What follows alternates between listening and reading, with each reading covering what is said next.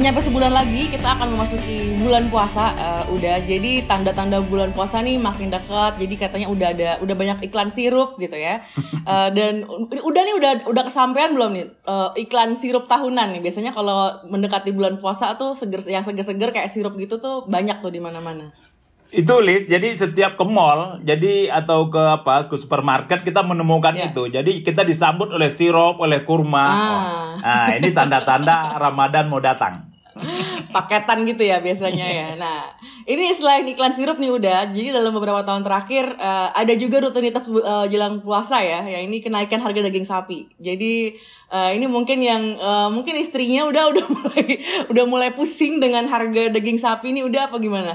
Ya, sebagai orang Minang, jadi momen-momen uh, memasak yang besar itu adalah sebelum puasa dan sebelum Idul Fitri. Hmm. Dan sudah pasti rendang, rendang sudah yeah. pasti daging. Dan dan ternyata pas cek punya cek Lisa, kenaikan hmm. harganya sudah sejak dua bulan lalu. Hmm. Jadi jadi lebih dulu naik ini. Jadi uh, orang belum ada uh, belum ada perhitungan jadwal puasa dari pemerintah atau dari ormas Islam. Yeah. Dagingnya sudah tahu dia akan puasa dan melambung dulu.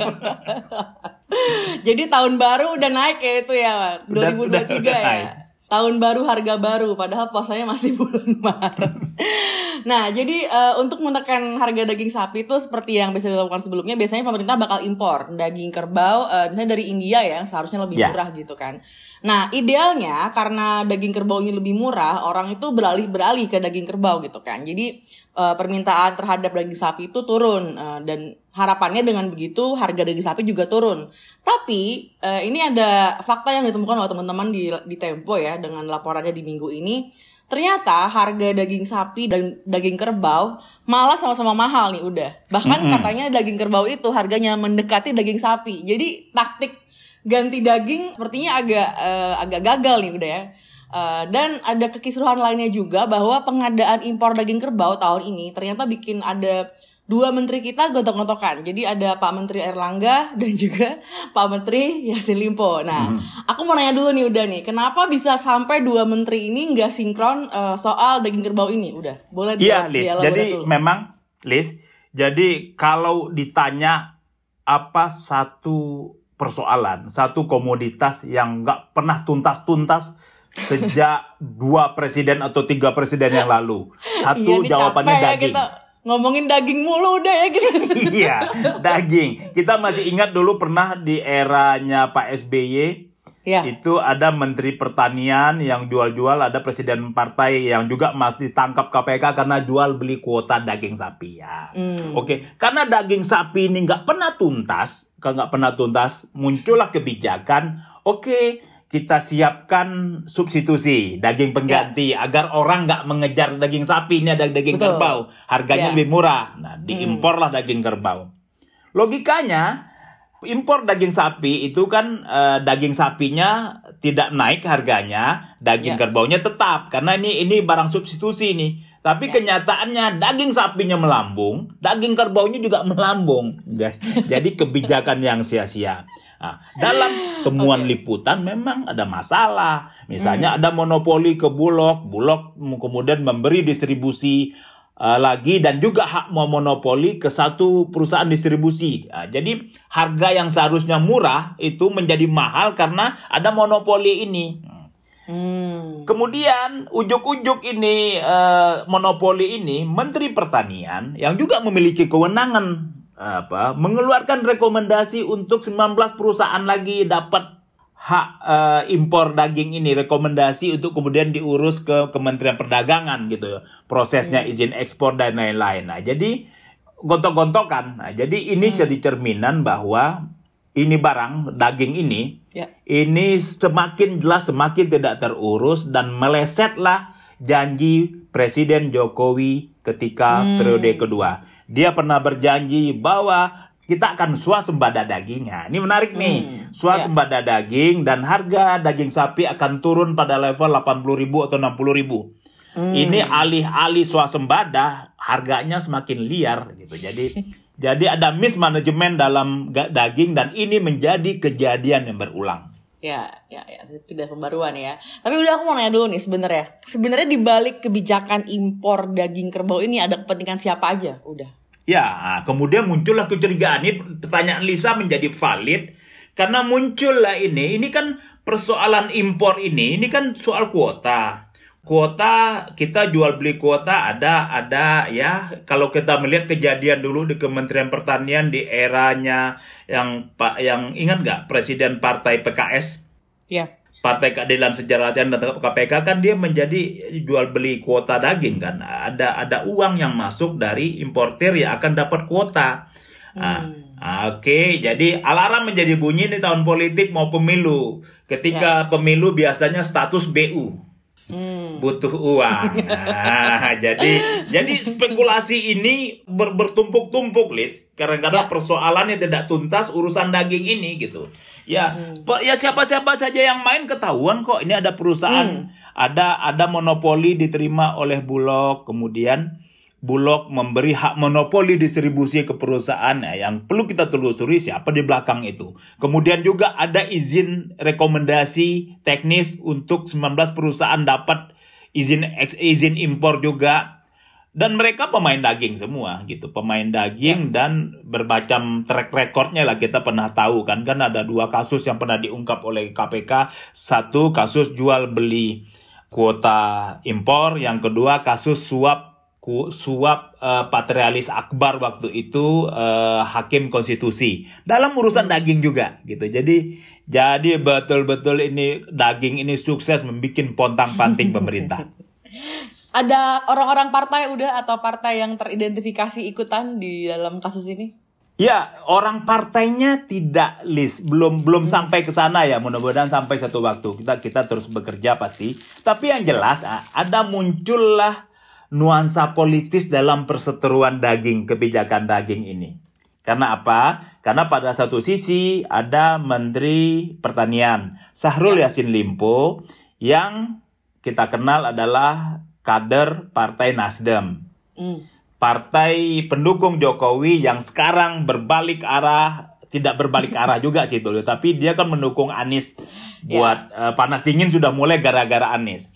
Kemudian ada satu sisi Ketua Umum Partai Golkar, Air Langga Hartarto yang juga ke Menteri Koordinator Bidang Perekonomian. Hmm, yeah. Kemudian ada juga Pak Budi Waseso yang juga sangat dekat dengan PDI Perjuangan. Yeah. Itu jadi jadi aroma-aroma politiknya itu kental juga dalam dalam yeah. urusan daging ini gitu.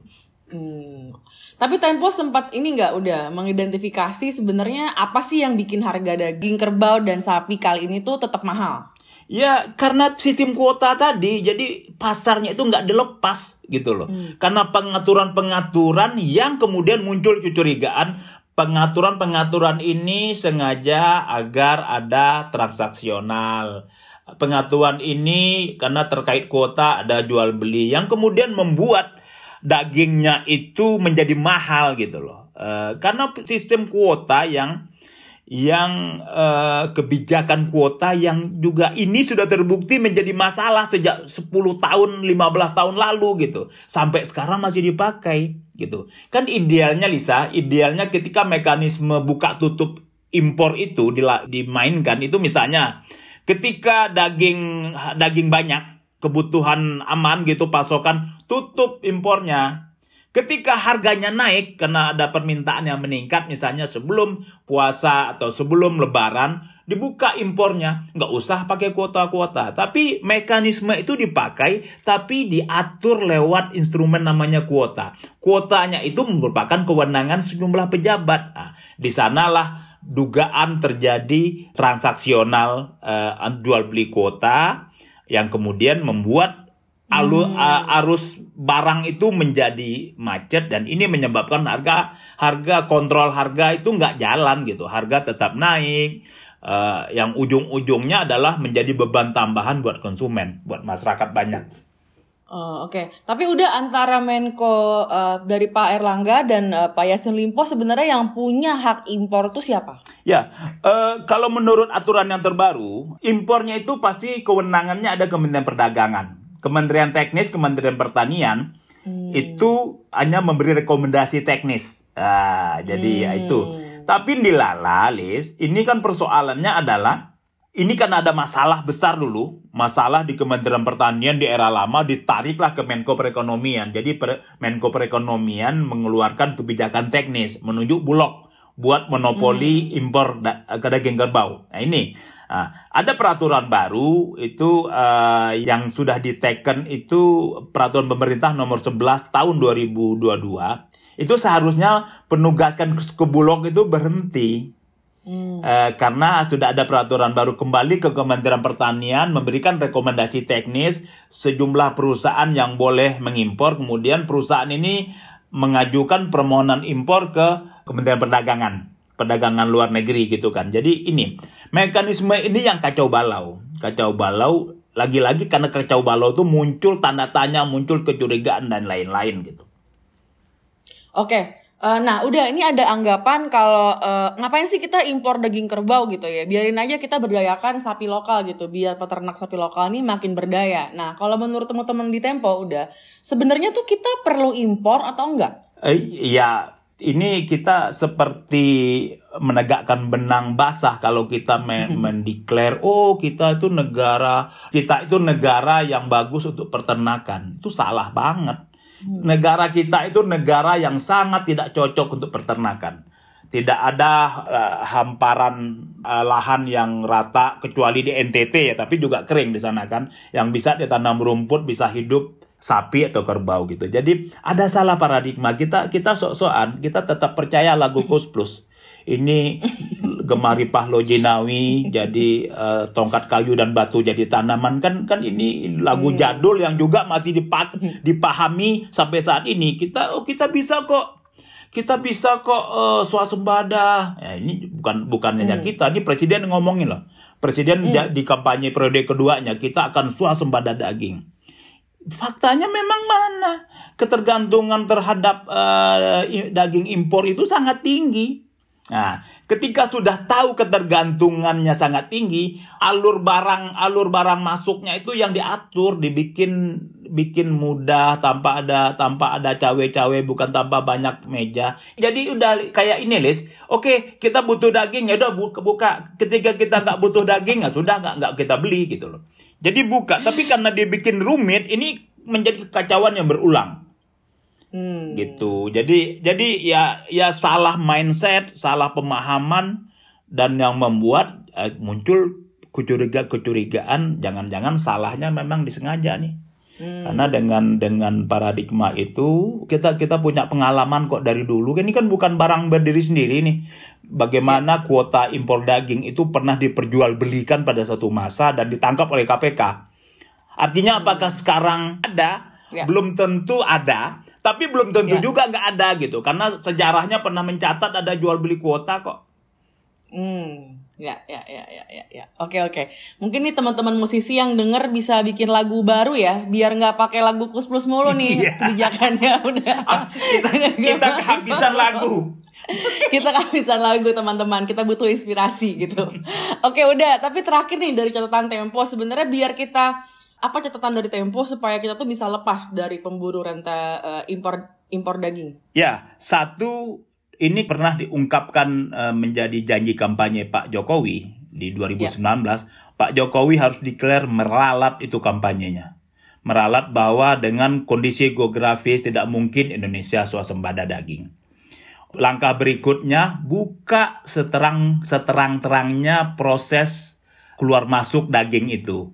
Datangkan daging ketika sedang butuh, stop daging ketika tidak butuh. Ada hal yang lebih penting lagi Lisa. Ini kan kita so-soannya orang kita nih. Oh daging impor, nah ya sama aja lah, nggak ada. Jadi jadi budaya makan daging itu eh, kadang-kadang faktor budaya nih memberi memberi cuan kepada orang lain. Oh daging kita harus wagyu impor, harus daging Australia. Padahal sama aja lah ketika dimasak mah gitu jadi jadi jadi paradigma kalau masaknya bener rendangnya tetap enak ya? iya ya? paradigma publik ini juga harus kita kampanyekan ketika kalian pilih-pilih daging di sana ada cuan untuk para pemburu rente jadi please jangan pilih-pilih hmm. daging Oke, jangan pilih-pilih daging. Oke, ini uh, singkat dulu ya episode kali ini udah kita bahas soal daging-dagingan. Semoga puasa lebaran nanti lancar, harga dagingnya turun nih udah semoga ya biar rendangnya full rendangnya full satu dandang. iya, satu dandang semuanya dapat. Oke teman-teman, terima kasih sudah dengerin sampai terakhir. Kita jumpa lagi minggu depan. Dadah.